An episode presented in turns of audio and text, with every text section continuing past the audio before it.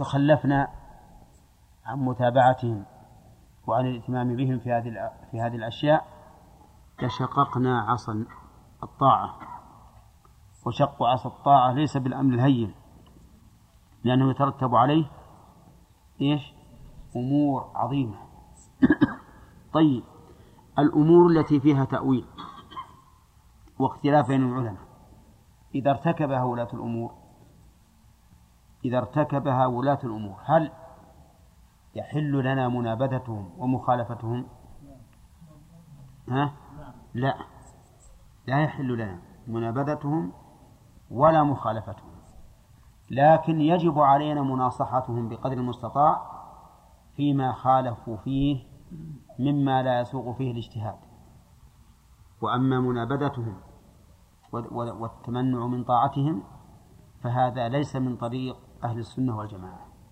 طيب. قال المؤلف رحمه الله ها؟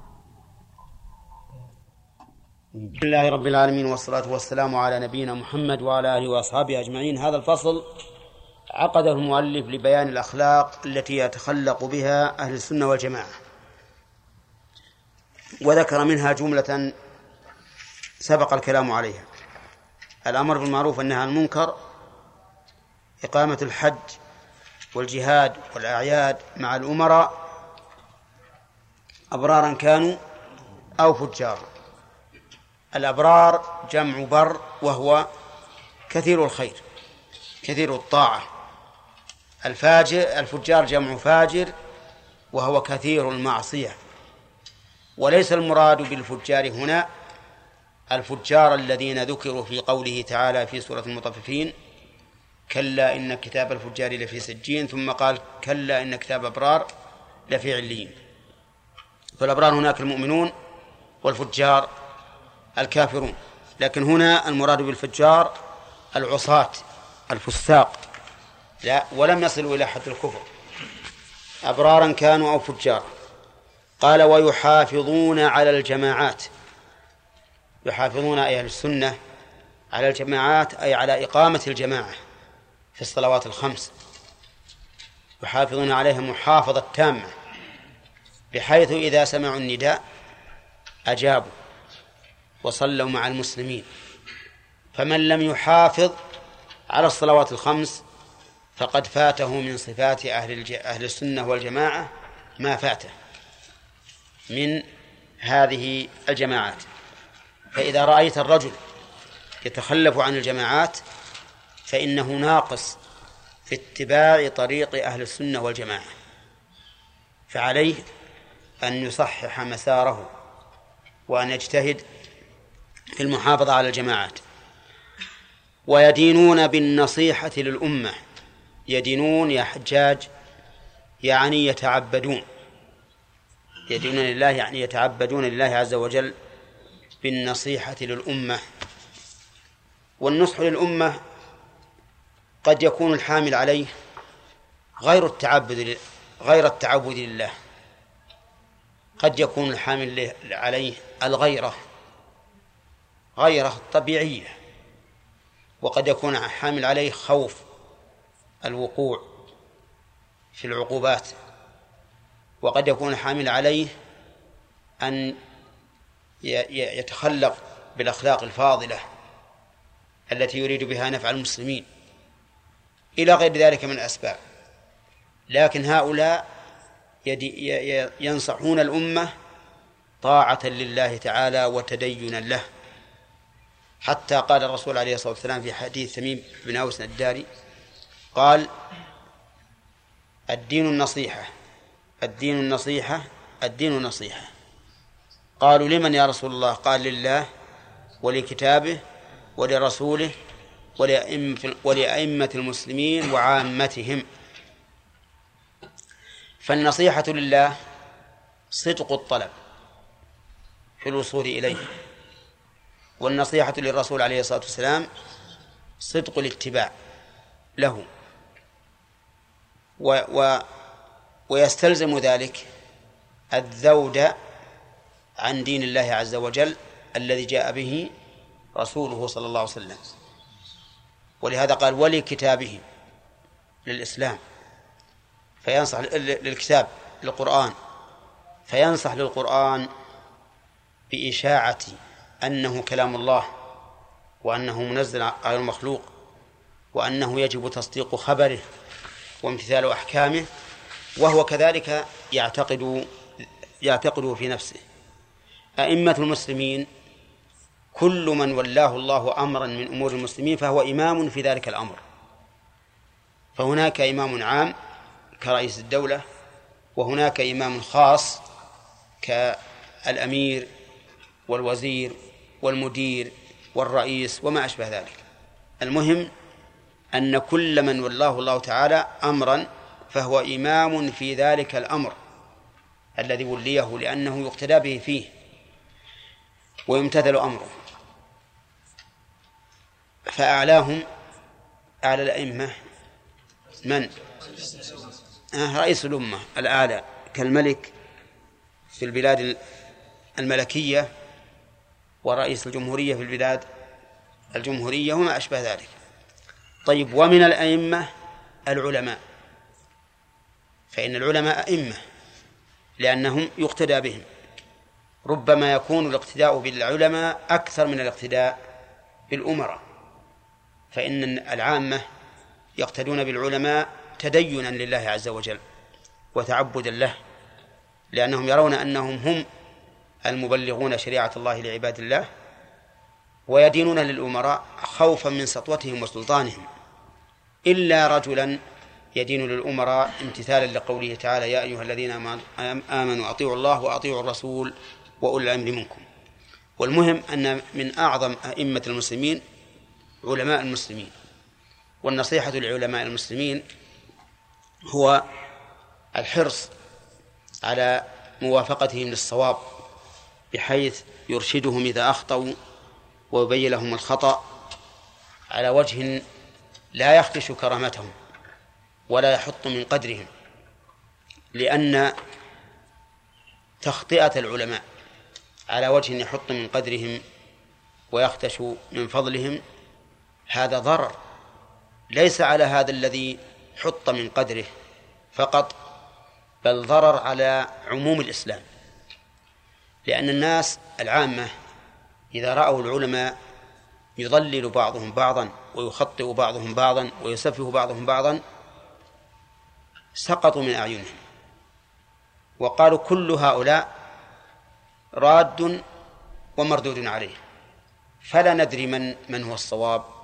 من من الصواب معه. فلا يأخذون بقول هذا ولا بقول هذا. ويبقون مذبذبين. لكن إذا احترم العلماء بعضهم بعضا وصار الواحد إذا أخطأ منهم أرشده أخوه سرا بينه وبينه وبين له الخطأ. ثم إذا بين له الخطأ فقد يكون الخطأ صحيحا بمعنى أن أن هذا الذي قيل له إنك أخطأت. يكون هذا القول صحيحا وأنه أخطأ فيرجع إلى الصواب. يجب عليه الرجوع للصواب وأن يعلن للناس القول الصحيح. وإذا كان الخطأ في من خطأه أو ممن خطأه فإنه يجب على من خطأه الرجوع إلى الصواب. أنا ربما أعتقد أن قول هذا العالم خطأ. ثم إذا ناقشت هذا العالم تبين لي أن قوله صواب وأن الخطأ عندي. إذن لو أنني أظهرت خطأه للناس وقلت هذا مخطئ وكان وزني عند الناس أرجح من وزنه. فمعنى ذلك أنني خطأت إيش؟ الصواب في دين الله واتبعني الناس على الخطأ. وتركوا الصواب الموافق للحق. وهذا خطر عظيم. لكن إذا ناقشت وقلت أنت قلت كذا وكذا فتأمل هذا الأمر وتدبره فقال إنني قد تأملت هذا وتدبرت. ووجدت أنه هو الصحيح. لقوله تعالى كذا وكذا أو لقول الرسول كذا وكذا أو لقول أهل العلم كذا وكذا. ثم تبين لي أن قوله أصوب سلمت الآن. سلمت أنا من تخطئة الصواب وسلمت من اتباع الناس إياي على على الخطأ. وحصل بذلك اجتماع الكلمة وهيبة العلم والعلماء بخلاف من يتلقط الزلات على إخوانه من أهل العلم وينشرها بين الناس. ويقول فلان أخطأ بكذا وأخطأ بكذا وأخطأ بكذا مع أنه لا يعلم هل هو المخطئ أو المخطئ من خطأه أليس كذلك؟ إذن من أعظم النصيحة لأئمة المسلمين النصيحة لعلماء المسلمين إذا رأيت عالما مقصرا في شيء وليس أحد معصوما مقصر إذا رأيت عالما مقصرا في شيء وليس أحد من الناس معصوما إلا من عصمه الله من الرسل إذا رأيته مقصرا في شيء عملي لا مخطئا في قول خبري فلا يجوز لك أن تنشر تقصيره بين الناس لأن هذا من الغيبة. وإذا كانت غيبة الجاهل المركب أو البسيط حراما فغيبة العالم من باب أولى. لا يحل لك أن تنشر عيبه في الناس بل يجب عليك أن تسدي له النصيحة. فإذا رأيته متأولا أو تابعا لغيره فالواجب عليك لمن جاء يقول لك فلان يقول كذا فلان يقول كذا أن تقول والله هذا قول لبعض العلماء. وهذا لعله اختار هذا القول. وتحاول أن أن تلتمس العذر له. هذا بعد مناقشته أو قبل مناقشته. نقول بعد وقبل. ولكن هذا لا يمنع أن أقول إن الصواب خلاف ذلك إذا علمت خطأه. أما أن أنشر هذا الذي زل فيه فهذا خطأ عظيم وغيبة لعلماء المسلمين. ولكن مع الأسف أن كثيرا من العلماء يطبقون قول الحكمة المشهورة أو يطبقون الحكمة المشهورة عدو المرء من يعمل عمله. يقولون إن النجار عدو للنجار ما يصير عدو للحداد أبدا. عدو للنجار. الحداد عدو للحداد ما يكون عدوا للنجار ولا للبناء. نعم. العالم عدو للعالم. والمشكل أن العلماء مع الأسف عدو أعداء. ما أقول كلهم لكن يعني من من كان منهم قاصرا. عدو للعالم من جنسه أو من نوعه ومن غير نوعه. من نوعه ومن غير نوعه. يعني حتى أنك تجد بعض الفقهاء يكون عدوا لعالم من النحو في النحو. لعالم في النحو. وهذا ليس غريبا على عالم يريد الدنيا يريد أن يصرف وجوه الناس إليه. هذا قد يقع لأنه لا يريد أن يذهب الناس إلى إلى رجل يعلمهم النحو ينصرفون إليه ويخلون هذا جالس على كرسيه ما عنده أحد. ولكن العالم الموفق الموفق هو الذي يرى أنه هو وغيره من أهل العلم يمثلون شيئا واحدا وهو القيام بنشر شريعة الله عز وجل. وأن كل عالم كالإصبع في الكف كالإصبع في الكف. الأصابع هي تتهاوش فيما بينها ها؟ لا كل واحد يساعد الثاني. كل واحد يساعد الثاني. عندما تريد أن تنقش الشوكة وش يجتمع عليها؟ الإبهام والسبابة. إذا عجزت السبابة تركها الإبهام وراح للوسطى. نعم. ولا لا؟ السبابة تزعل ولا ما تزعل؟ ما تزعل. لأن المقصود الوصول إلى دفع المضرة. إذن يجب أن أن أن كل واحد منا من طلبة العلم والعلماء أن يعتقد بأن العلماء كأصابع اليد. بعضهم يساعد بعضا ويعاون بعضا. وأنت لس لا يمكن أن تكون شمسا. تستطيع أن تشمل جميع الناس. فليكن إخوانك في في البلاد الأخرى في بلد في جانب من بلدك يكون مساعدين لك. يقومون بما تقوم به من بث شريعة الله عز وجل. ولكن اسأل الله لهم التوفيق للصواب. التوفيق للصواب. وتكون بهذا مثلت العالم الإسلامي الذي يدين بالنصيحة لأئمة المسلمين. طيب وقول المؤلف للأمة بالنصيحة للأمة يشمل الأئمة ولا لا؟ يشمل الأئمة والعامة يشمل الأئمة والعامة.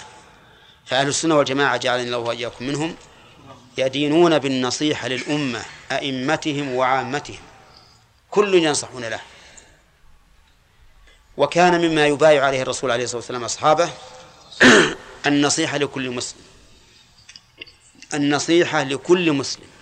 كل مسلم يجب أن تنصح له. فإذا قال قائل ما هو ميزان النصيحة؟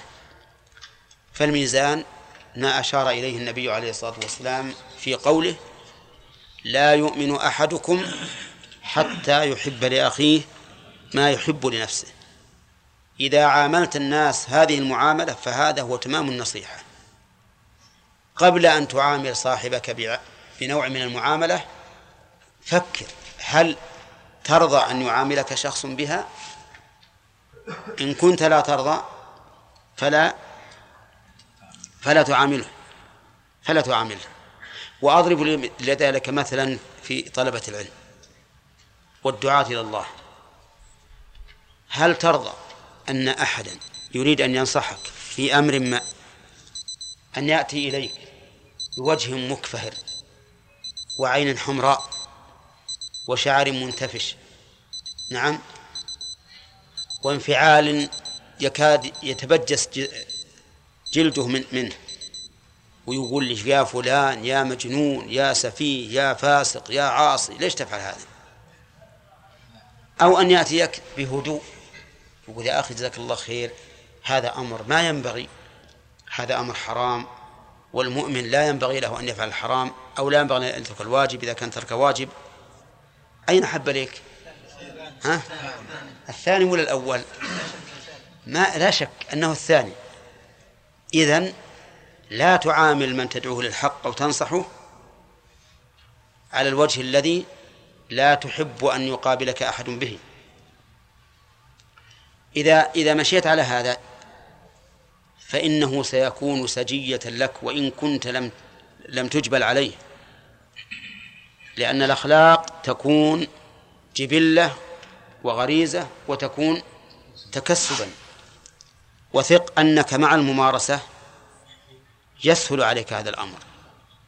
لكن لا تنسى يمكن تفطن يوم من الأيام وتعامل الناس بالرفق واللين وسعة الوجه طلاقة الوجه وسعة البال ثم تعود إلى طبيعتك. والناس يختلفون. فضل الله يأتي من يشاء. لكن حاول أنك تمرن نفسك على هذا. وتذكر أخلاق من وصفوا بمكارم الأخلاق ليكونوا أئمة لك. تذكر تقول فلان ما شاء الله رجل طيب. يعني طالب العلم أحيانا أحيانا يتلقى الأخلاق من العام وهو طالب علم. أليس كذلك؟ يكون بعض العوام ما شاء الله يمن الله عليه بسعة الصدر وطلاقة الوجه وحسن المنطق ولين العاطفة. نعم. وبعض طلبة العلم يكون على العكس من ذلك فيتعلم الأخلاق من من هذا العام. والحاصل أن أهل السنة والجماعة يدينون بالنصيحة للأمة أئمتهم وعامتهم. وقد قال النبي صلى الله عليه وسلم من غش فليس منا. من غش فليس منا. والغاش خلاف الناصح. فإذا الدين النصيحة والغش تبرأ منه الرسول عليه الصلاة والسلام. فلم يبقى للإنسان إلا أن يدين بالنصيحة لله عز وجل. ولكتابه ولرسوله ولأئمة المسلمين وعامتهم. نعم. إذا كان الإنسان يحب لأخيه ما يحب لنفسه في أمور الآخرة. ولكن في أمور الدنيا يحب لنفسه. مثل إيش؟ مثل أكثر مال أو لا أنا أحب أني كثير المال مثلا وأحب أن ذاك أكثر ماله. لكن يعني يحب لأخيه أنه يعني يصدون منه؟ يعني الآخرة. أنه يكون سواء. لا حتى في الدنيا أنا ما يمكن أني أقول أنا والله أحب النفس أن يكون أتجر الناس وأغنى الناس لا. أنا أحب ألغنى لنفسي وأن الله يكفينا عن الناس يغنينا عن عباده وأحب الغير أن الله يغني عن عباده أيضا. لأن في بعض المسلمين إيه. يعني فيهم الخصلة هذه. اللي؟ يعني انه ما يحب لاخوانه الشر في امور الاخلاق إيه؟ ولكن في الدنيا يحب انه يحب لهم الشر. لا. يعني يود أن يكونوا فقراء مريضين. يصيروا يصيرون دون إيه. والله أنا أرى أنه من تمام من تمام الإيمان أنك ما ما تحب أنهم ينقصون عنك فيما تحب. لكن يعني هل هذا ما ما حب والله الحديث عام. لا يؤمن أحدكم حتى يحب لأخيه ما يحب لنفسه. هذا عام. نعم. الرد مثلا العاهل لم يخطئ شيء هل الاولى الرد عليه لو من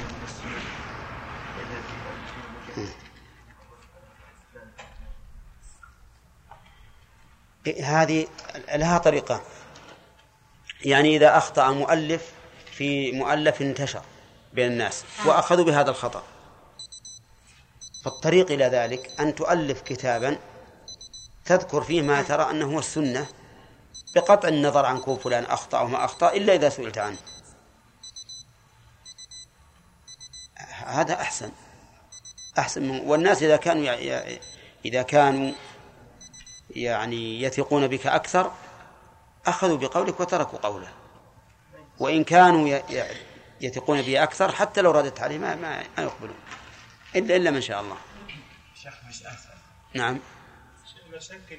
يعني صدر أيوب العلماء.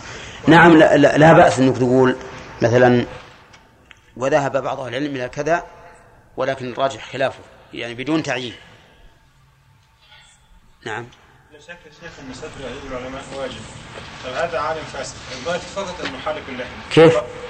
هذا عالم فاسد. يعني الظاهر فيه انه حالك اللحيه فقط. نعم. الله أعلم بما بعد ذلك. نصح في السر وبالأدب. فتهجم وسب وأخطأ في الذي ينصحه ألا يجب في هذه الحالة أن ينشر هذا الأمر؟ ما دام حالق اللحية فقد نشر عيبه. ما حاجة تنشر عيبه أنت؟ طيب ما يخالف. في أمور الدين ما دام حلق حلق لحيته كل يشوفه ما حاجة تقول فلان حلق لحيته في في أماكن تعتبر أن حلق اللحية أو يعني العام يقولون أنه العامة أثبت أنت قل إن حلق اللحية محرم والإصرار عليه كبيرة. نعم. ويتضح لهم. لا اتكلم عن حلق اللحية يا شيخ ها ده ظاهره فاسق فقط. لكن في أمر معين فعله في الدين ونصح فيه فسب الذي ينصح حدث يعني سبه بشده وأخطأ فيه قال أنت مثلا صغير وكذا وكذا وهو تكلم- معه بالسنة. مم. فهل هل يجب ان يعني يوضح هذا أو يذكر هذا العيب فيه؟ ما هو لازم يذكر عيبه يقول بعض إذا إذا شاء أن يقول يقول بعض العلماء هداهم الله تعالى يح- يحلقون لحاهم مع أنه خلاف هدي الرسول عليه الصلاة والسلام وما أشبه ذلك. ها؟ كيف؟ أي أنت ضربت مثلا باللحية. ما أدري عنه لا أنا أقول حاله حتى يعني ظاهره انه فاسق أصلا يعني هل يجوز أو باطنه أنه فاسق. ظاهره والله اعلم بما يخفي أيضا لكن في الصورة انه عالم أنا اقصد يعني يقال انه عالم مكان يعني مهم وتكلم كلام سبحان الله والله يا محب هو على كل حال هذا هذا لا يفيد. وثق بأن العامة موازين إذا رأوا أن العالم بهذه الحالة ما يثقون به. أبدا. الله عز وجل يجعل القلوب يجعل في قلوب الناس ميزان ميزانا للشيء. ومهما تكن عند امرئ من خليقة وإن خالها تخفى على الناس تعلم. لكن على كل حال إذا كان مبتدعا ولنفرض مبتدع ما هو حالق لحية. ولا يمكن تنفير الناس من بدعته إلا بذكره باسمه. فهنا لا بد من ذكره لا بد من ذكر اسمه. لا الخطأ العملي قد لا يقاس القول اللي اللي قال اللي قال يعني إذا كان يقترب من البدعة أو بدعة يبقى يجب إذا كان بدعة ولا يمكن تنفير الناس إلا بذكره بعينه فليذكر. أما إذا كان يمكن تنفير الناس عن البدعة بدون ذكر اسمه فهذا أحسن. مثل ما قال بعض الناس يقول كذا وكذا وهذا خطأ. ذكر الاسم ده يعني يبقى في أضيق الأمور الرسول يقول ما بال رجال يقولون كذا وكذا ما بال أقوام يقولون كذا وكذا. الصحابة كانوا إذا قيل ما بال الرجال كل إنسان يظن أنه هو المخطئ. نعم. يصلح نفسه. الآن لو قال ويبقى يمكن الإنسان يشعر أن هو يكلمه فعلا يظن أن الرجال هو اللي فيه العيب نعم. وهو ما فيش فيه عيب يبقى لا تنفع معهم مع أنا أقول مثلا إن رجالا يقولون كذا وكذا إن عالم من العلماء يقول كذا وكذا. يحصل المقصود.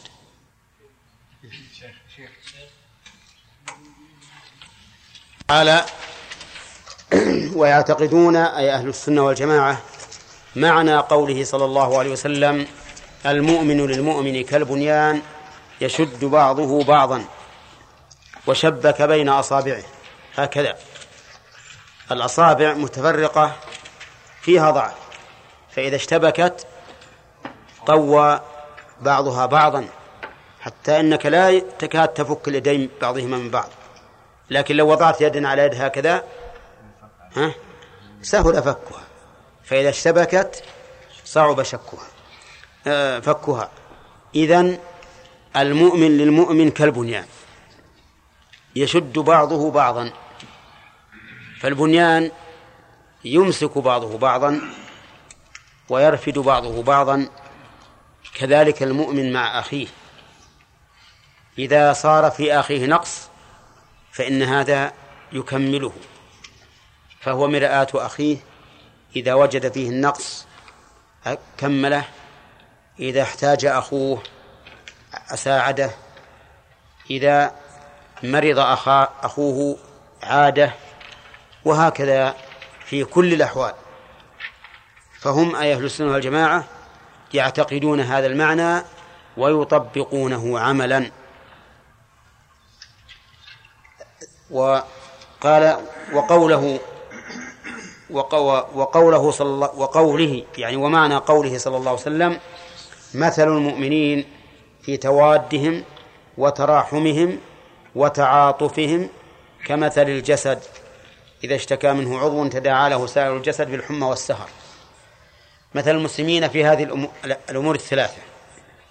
في توادهم أي مودة بعضهم بعضا. وتراحمهم رحمة بعضهم بعضا. وتعاطفهم عطف بعضهم على بعض. كالجسد الواحد. لأحد من إخوانه المسلمين حاول أن يزيلها وأن يذكر من محاسنه ما يوجب زوال هذه العداوة والبغضاء. والإنسان لا يحب أحدا إلا لسبب ولا يبغضه إلا لسبب. والسبب الوحيد الرابط بين المسلمين هو الإسلام. فأنت إذا رأيت من أخيك سببا يوجب عداوته أو بغضاءه فأنت اذكر السبب الأقوى الذي يوجب إيش؟ المودة والمحبة حتى يزول هذا بهذا. كما أرشد إليه الرسول عليه الصلاة والسلام في قوله لا يفرق مؤمن مؤمنة إن كره منها خلقا رضي منها خلقا آخر. الجسد الواحد إذا اشتكى منه عضو تداعى له سائر الجسد. إذا أوجعك أصبعك الخنصر هذا من أصغر الأعضاء تألم إيش؟ الجسد كله. إذا أوجعتك العين تألم الجسد كله. إذا أوجعتك الأذن تألم الجسد كله. إذا أوجعك البطن تألم الجسد كله. المهم أن هذا المثل الذي ضربه النبي عليه الصلاة والسلام مثل مصور للمعنى ومقرب له. غاية التقريب. قال رحمه الله ويأمرون بالصبر عند البلاء والشكر عند الرخاء والرضا بمر القضاء. يأمرون أهل السنة والجماعة. لكن يأمرون ويفعلون ولا يأمرون ولا يفعلون؟ يأمرون ويفعلون. لكنهم صالحون بأنفسهم يحاولون الإصلاح لغيرهم. فيأمرون بالصبر عند البلاء. وقد يقال إن هذه الكلمة تشمل أمر نفوسهم. لقوله تعالى وما أبرئ نفسي إن النفس لأمارة بالسوء. إذا فالنفس أمارة. فهم يأمرون حتى أنفسهم بالصبر عند البلاء البلاء المصائب. قال الله تعالى وبشر الصابرين الذين إذا أصابتهم مصيبة. فالصبر يكون عند البلاء. وأفضله وأعلاه الصبر عند الصدمة الأولى. هذا هو عنوان الصبر الحقيقي. كما قاله النبي عليه الصلاة والسلام للمرأة التي مر بها وهي تبكي على قبر فقال لها يا رسول الله اتق الله واصبري. فقالت دونك إنه لم يصبك الذي أصابني. وهي لم تعلم أنه رسول الله صلى الله عليه وسلم فلما علمت جاءت إليه تعتذر منه فقال إنما الصبر عند الصدمة الأولى. وصدق الرسول عليه الصلاة والسلام. تبرد الصدمة فالإنسان ربما يصبر لكن عند أول وهلة تقع عليك المصيبة إذا صبرت فهذا هو الصبر الحقيقي. أما بعد أن تبرد مصيبتك وترد إليك نفسك فهذا صبر لكنه صبر ضعيف. فالصبر الحقيقي الأكمل ما كان عند الصدمة الأولى. فأهل السنة والجماعة يأمرون بالصبر عند البلاء. وما من إنسان إلا يبتلى إما في نفسه وإما في أهله وإما في ماله وإما في صحبه وإما في بلده وإما في في, في المسلمين عامة. ويكون ذلك إما في الدنيا وإما في الدين. والمصيبة في الدين أعظم بكثير من المصيبة في الدنيا. ومن العجب أننا نحن في عصرنا هذا إذا أصيب منا أحد بمصيبة دينية فزعت الأمم وأفزع الأفراد من أجل مساواة هذا المصاب بأمر ديني بأمر دنيوي قد يكون عقوبة للمصاب لعله يرجع. لكن إذا أصيب أحد بدين نعم لا تجد أحدا يواسيه. الذي تفوته صلاة العصر كأنما وتر أهله وماله.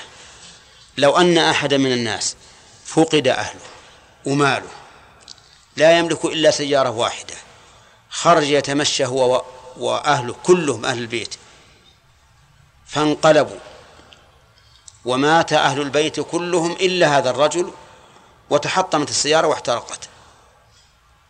تجد الناس على بيته زرافات ووحدانا يعزونه ولو فاتته صلاة العصر. من يجي لمه نعم. ما يجي لمه أحد. ما يأتي إليه أحد. وهذا من ضعف قيمة الدين عند كثير من الناس. المصائب الدنيوية كل الدنيا تفزع لها. والمصائب الدينية كأنها ماء بارد. نعم. مر على على الجسم. ولكن أهل السنة والجماعة يأمرون بالصبر عند البلاء في الأمرين. حتى إذا ابتلي بلد من البلاد بحكام ظلمة فسقة فجرة يضربون بيد من حديد على أهل الخير ويطلقون كل السراح لأهل الشر. يأمر أهل السنة والجماعة أهل هذا هذا البلد إيش؟ أن يصبروا وأن ينتظروا الفرج. أليس بلال أليس بلال كان يخرج به في نحر الظهيرة يعذب حتى توضع الحجر على بطنه الحامي الحجر الحامي على بطنه؟ في النهاية كان مؤذن رسول الله صلى الله عليه وسلم. نعم كان مؤذن رسول عليه الصلاة والسلام. إذن ما علينا إلا أن نصبر وننتظر الفرج ونسعى بالأسباب لا أقول نصبر ويقدر الواحد بفراش ويربط نفسه يسعى في الأسباب مع الاستعانة بالخلاق عز وجل وسيجعل الله له فرجا ومخرجا. طيب يأمرون كذلك بالشكر عند الرخاء. الرخاء السعة سعة العيش والأمن في الوطن. نعم فيأمرون بالشكر. أيهما أشق؟ الشكر عند الرخاء أو الصبر على البلاء.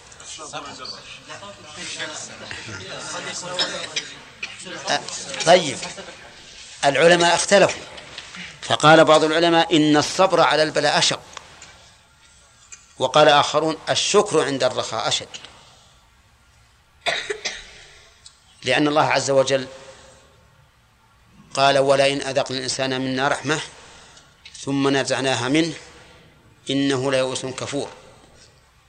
ولئن أذقناه نعماء بعد ضراء مست ليقولن ذهب السيئات عني إنه لفرح فخور. فإذا نظرنا إلى الآيتين قلنا هما سواء كلاهما شاق الصبر عند البلاء والشكر عند الرخاء. والحقيقة أن أن أنني الآن في وقت الآن لا أستطيع أن أميز بينهما أو أقول هذا أشد أو هذا أشد. لكن كل منهما قد يهونه بعض التفكير. فالمصاب إذا فكر وقال إن جزعي لا يرد المصيبة ولا ولا يرفعها. فإما أن أصبر صبر الكرام وإما أن أسلو سلو البهائم. هان عليه الصبر. والشاكر إذا قال أنا إن شكرت زادني الله وإن لم أشكر سلبني الله هذه النعمة. يهون عليه الشكر. والمسألة عندي الآن يعني. ما أستطيع أن أفرق بينهما لكن أهل السنة والجماعة يأمرون بهذا وهذا. يأمرون بهذا وهذا. الشكر عند الرخاء. والرضا بمر القضاء. الرضا أشد أعلى من الصبر. الرضا بمر القضاء ومر القضاء هو ما لا يلائم طبيعة الإنسان. هذا مر القضاء ولا مو شيء يذاق باللسان لكن ما لا يلائم الطبيعة فهو مر. فإذا قضى الله علي قضاء لا يلائم طبيعتي وأتأذى به وربما أتضرر به. سمي ذلك إيش؟ مر القضاء. فهو ليس لذيذا عندي وليس حلوا بل هو مر. هم يأمرون بالرضا بمر القضاء. الرضا بمر القضاء. واعلم أن أن مر القضاء لنا فيه نظران. النظر الأول باعتباره فعلا واقعا من الله والنظر الثاني باعتباره مفعولا له مفعولا له. فباعتبار كونه فعلا من الله يجب علينا أن نرضى به وجوبا وأن لا نعترض على ربنا به لأن هذا من تمام الرضا بالله بالله ربا. وأما بالنظر إلى إيش؟ إلى كونه مفعولا له. فهذا يسن الرضا به ويجب الصبر عليه. يسن الرضا به ويجب الصبر عليه. المرض باعتبار كون الله قدره حكم الرضا به واجب. واجب أن أرضى. أقول هذا ربي وأنا عبده يفعل ما شاء. باعتبار المرض نفسه باعتبار المرض نفسه يسن الرضا به يسن الرضا به. وأما الصبر عليه فهو واجب. طيب والشكر عليه مستحب أعلى من الرضا. ولهذا نقول المصابون لهم تجاه المصائب أربع مقامات أربعة مقامات. المقام الأول الجزع والثاني الصبر والثالث الرضا والرابع الشكر. تعد علي. الإنسان إذا أصيب بمصيبة فله أربع أربع مقامات أو أربعة مقامات. الجزع الصبر الرضا الشكر. أما الجزع فحرام. مثل أن يقول يا ويلاه وثبوراه أو يدعو على نفسه بالموت أو بالهلاك تسخطا من, من هذا الأمر الذي أصابه أو يخمش وجهه أو يشق ثوبه أو ينتف شعره هذا محرم. قال النبي عليه الصلاة والسلام ليس منا من شق الجيوب ولطم الخدود ودعا بدعوى الجاهلية. الثاني الصبر بأن يحبس نفسه قلبا ولسانا وجوارح عن التسخط. فهذا واجب.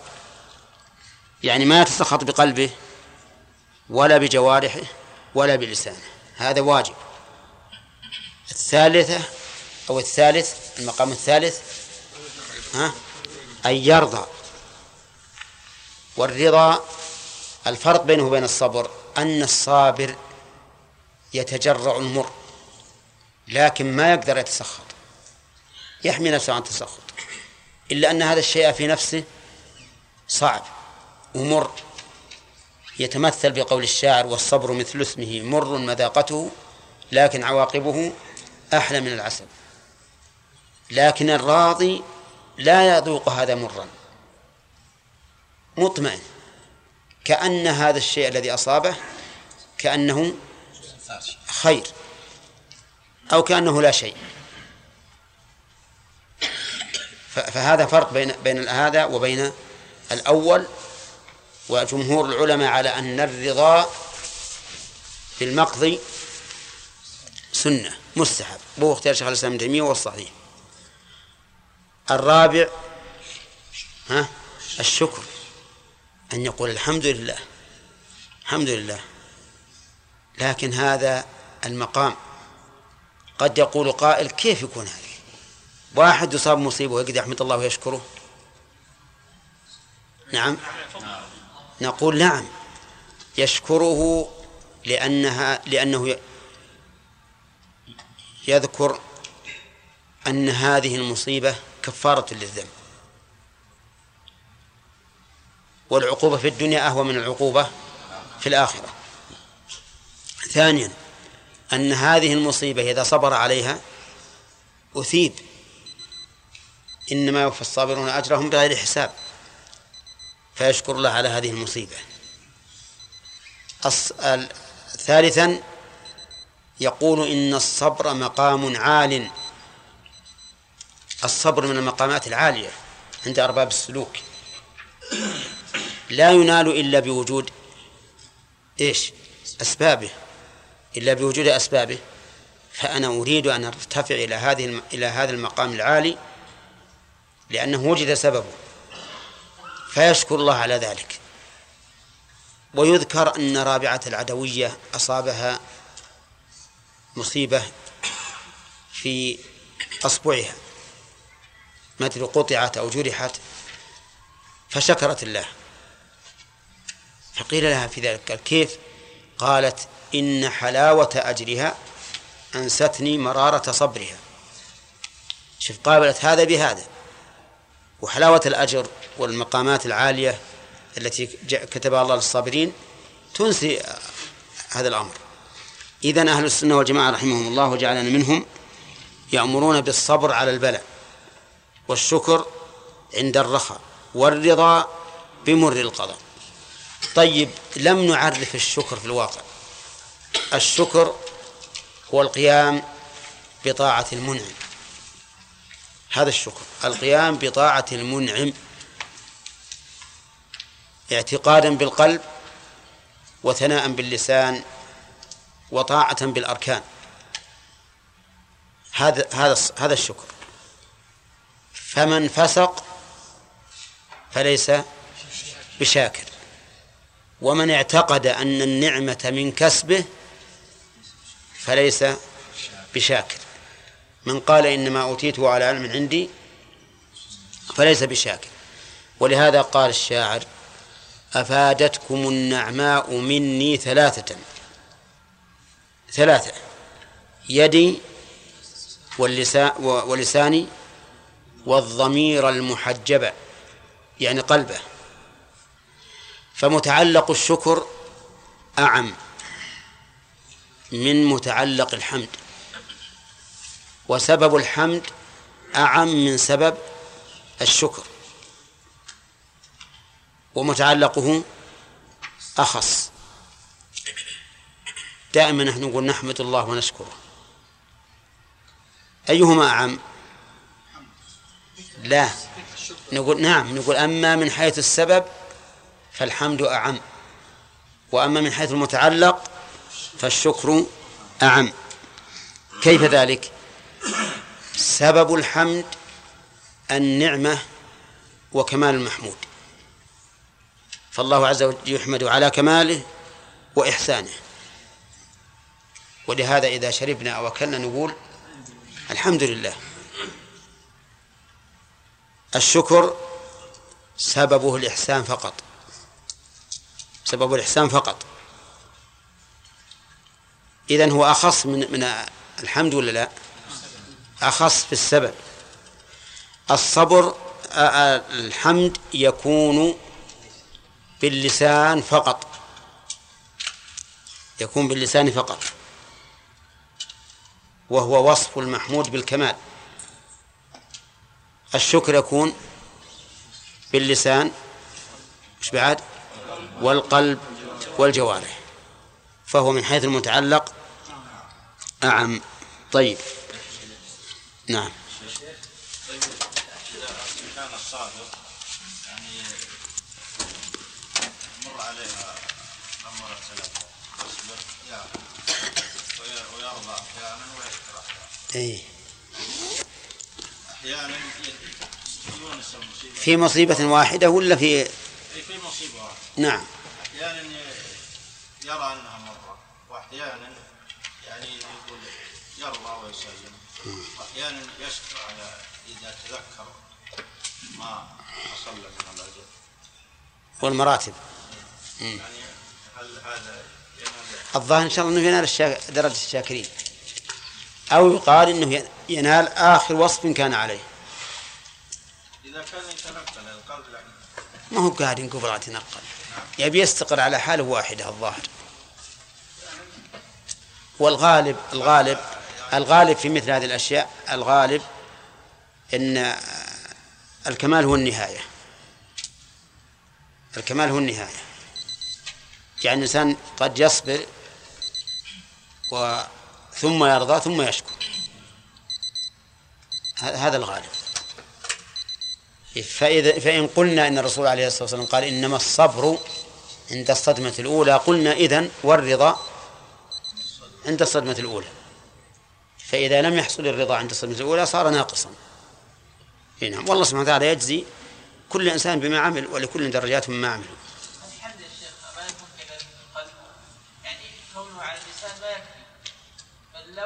هو أصل كل ذكر كل ذكر لابد أن يكون مقرون بالنية. كل ذكر لابد يكون. لكن لو لو لو اختصرت مثلا بالاعتراف بأن أن أن. بكمال الله عز وجل ما يقال حمد الله لو اعترفت بقلبك. بكمال الله دون أن تثني به عليه ما يقال حمد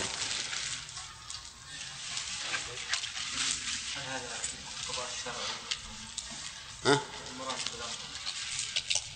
لا لا ما ما يصير القضاء الشرعي من حيث هو قضاء حكم يجب الرضا به على كل حال مثل القضاء الكوني لكن من حيث المقضي يختلف.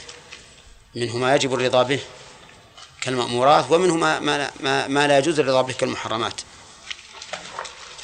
نعم. لا إذا إنسان يحكم بلسانه ويخالف بأعماله وبقلبه هذا ليس ما يكون يعني يحمد بلسانه أو يشكر بلسانه. يعني يحمد يحمد يعني الحمد لله يشكر يحمد الله الحمد لله وأيضا يعمل ما يخالف أي يقول يقال هذا حامد غير الحمد حامد غير شاكر. كما أن من قال لا إله إلا الله هل, هل من قال لا إله إلا الله يؤدي معناها؟ يعني يعمل بمقتضاها؟ ما على كل حال. قال لنا أن من طريق أهل السنة والجماعة أنهم يتراحمون فيما بينهم ويتعاونون على البر والتقوى ويتأمرون بالمعروف ويتناهون عن المنكر. ويطبقون حديثي رسول الله صلى الله عليه وسلم المؤمن للمؤمن كالبنيان يشد بعضه بعضا. و ومثل المؤمنين في توادهم وتراحمهم وتعاطفهم كمثل الجسد. إذا اشتكى منه عضو تداعى له سائر الجسد بالحمى والسهر. وسبق أنهم يأمرون بالصبر عند البلاء. وذكرنا أن مقام الإنسان عند البلاء أن مقامات الإنسان عند البلاء أربعة صبر تسخط وصبر ورضا وشكر. وكذلك يأمرون بالشكر عند الرخاء وهو القيام الشكر هو القيام بطاعة المنعم ثناء باللسان وتعبدا بالأركان واعترافا بالجنان. هذا الشكر. وذكرنا أن الحمد أعم من الشكر من وجه وأخص من وجه. فباعتبار المتعلق هو أخص من الشكر وباعتبار السبب هو أعم. طيب وسبق لنا أيضا أن أهل السنة والجماعة يأمرون بالرضا بمر القضاء. بمر القضاء أي الذي يقضي به الله عز وجل. وأنهم بالنسبة لقضاء الله عز وجل الكوني أو الشرعي راضون غاية الرضا. أما بالنسبة للمقضي ففي الكون منه ما يلائم الطبيعة والرضا به بمقتضى الطبيعة ومنه ما لا يلائم الطبيعة والرضا به على القول الراجح. ها؟ أنتم معنا ولا مسافرين؟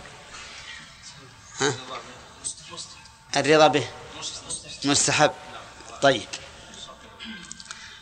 إذن الرضا بالحكم الكوني والشرعي من حيث هو حكم الله إيش؟ واجب.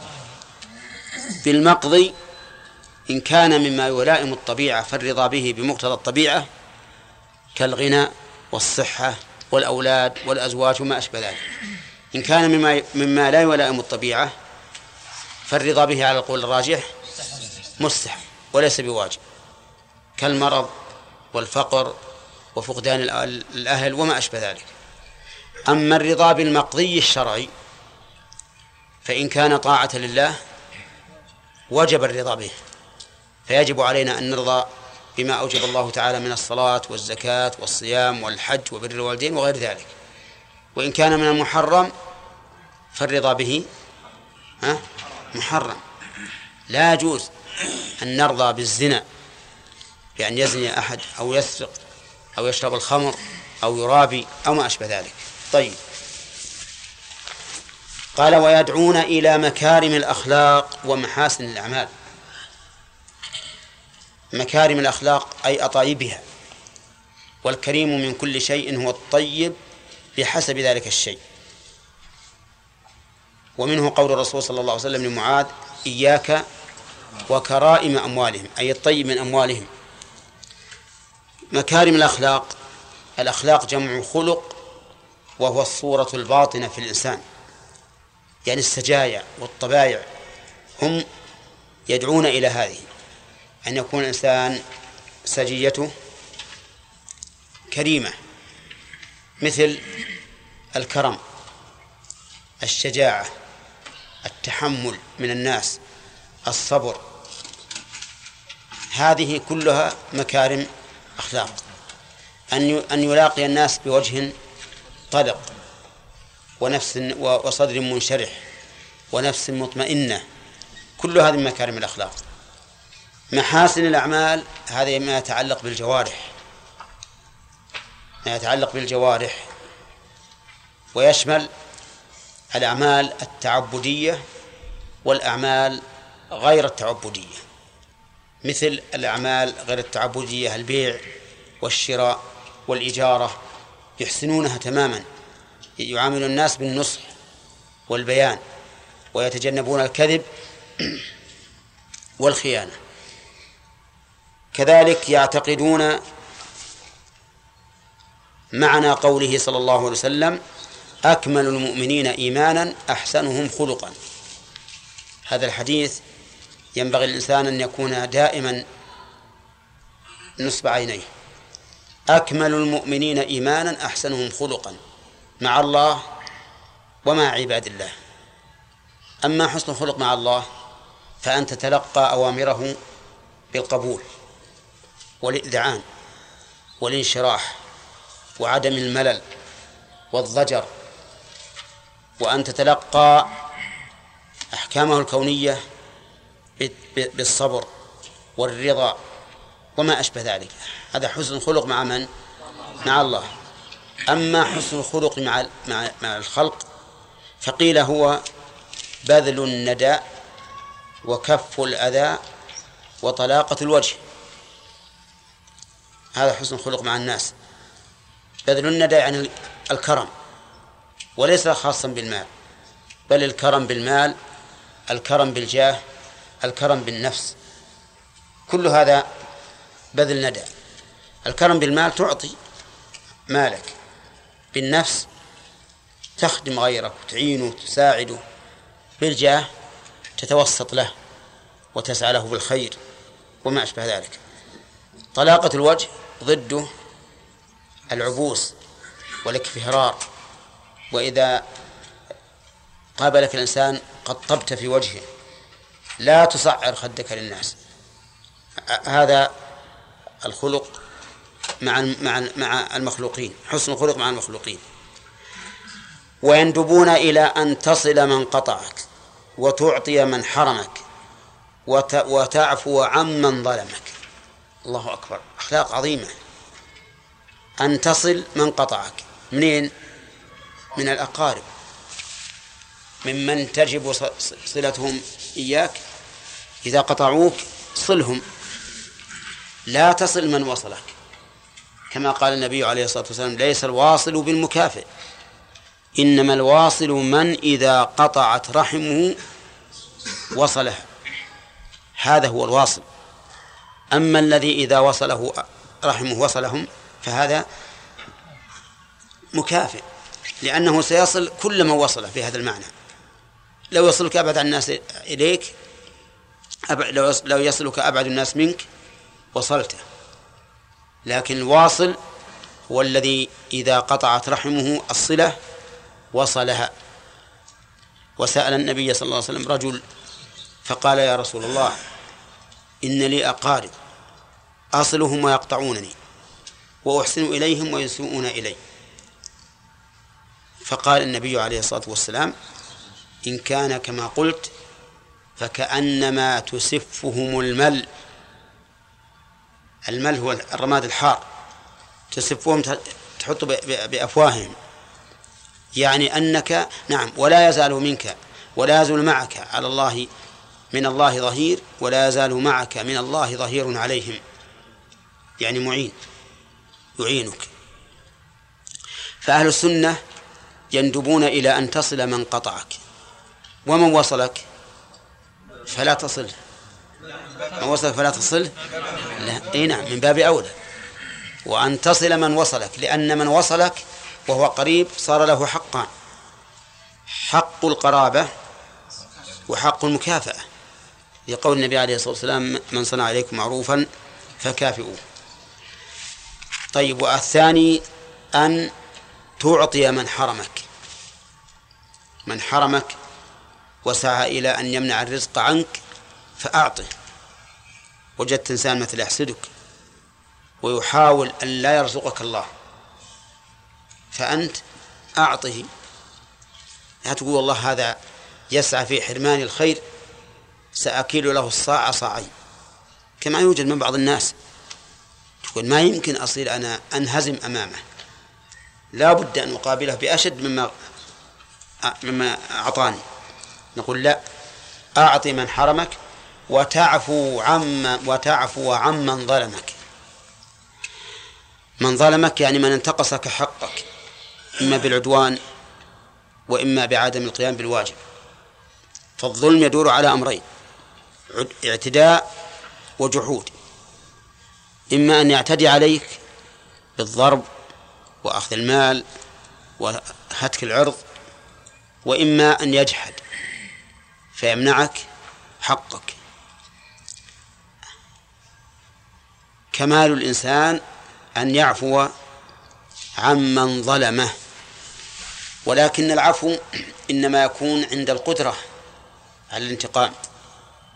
أنت قادر على أن تنتقم منه أن تنتقم من من ظلمك إما بنفسك وإما بواسطة ولاة الأمور.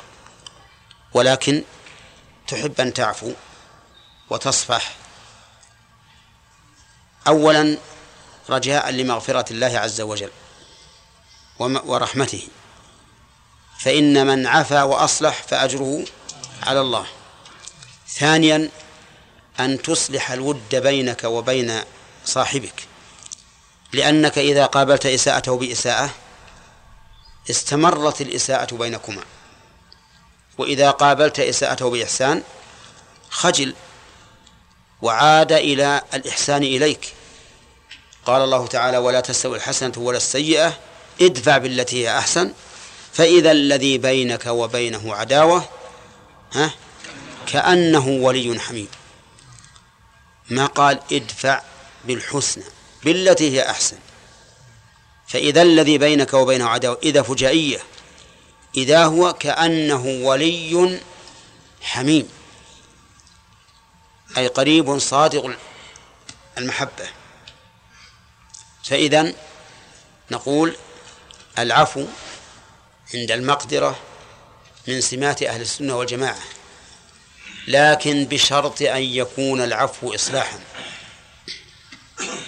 فإن تضمن العفو إساءة فإنهم لا يندبون إلى ذلك لأن الله اشترط قال من عفا إيش؟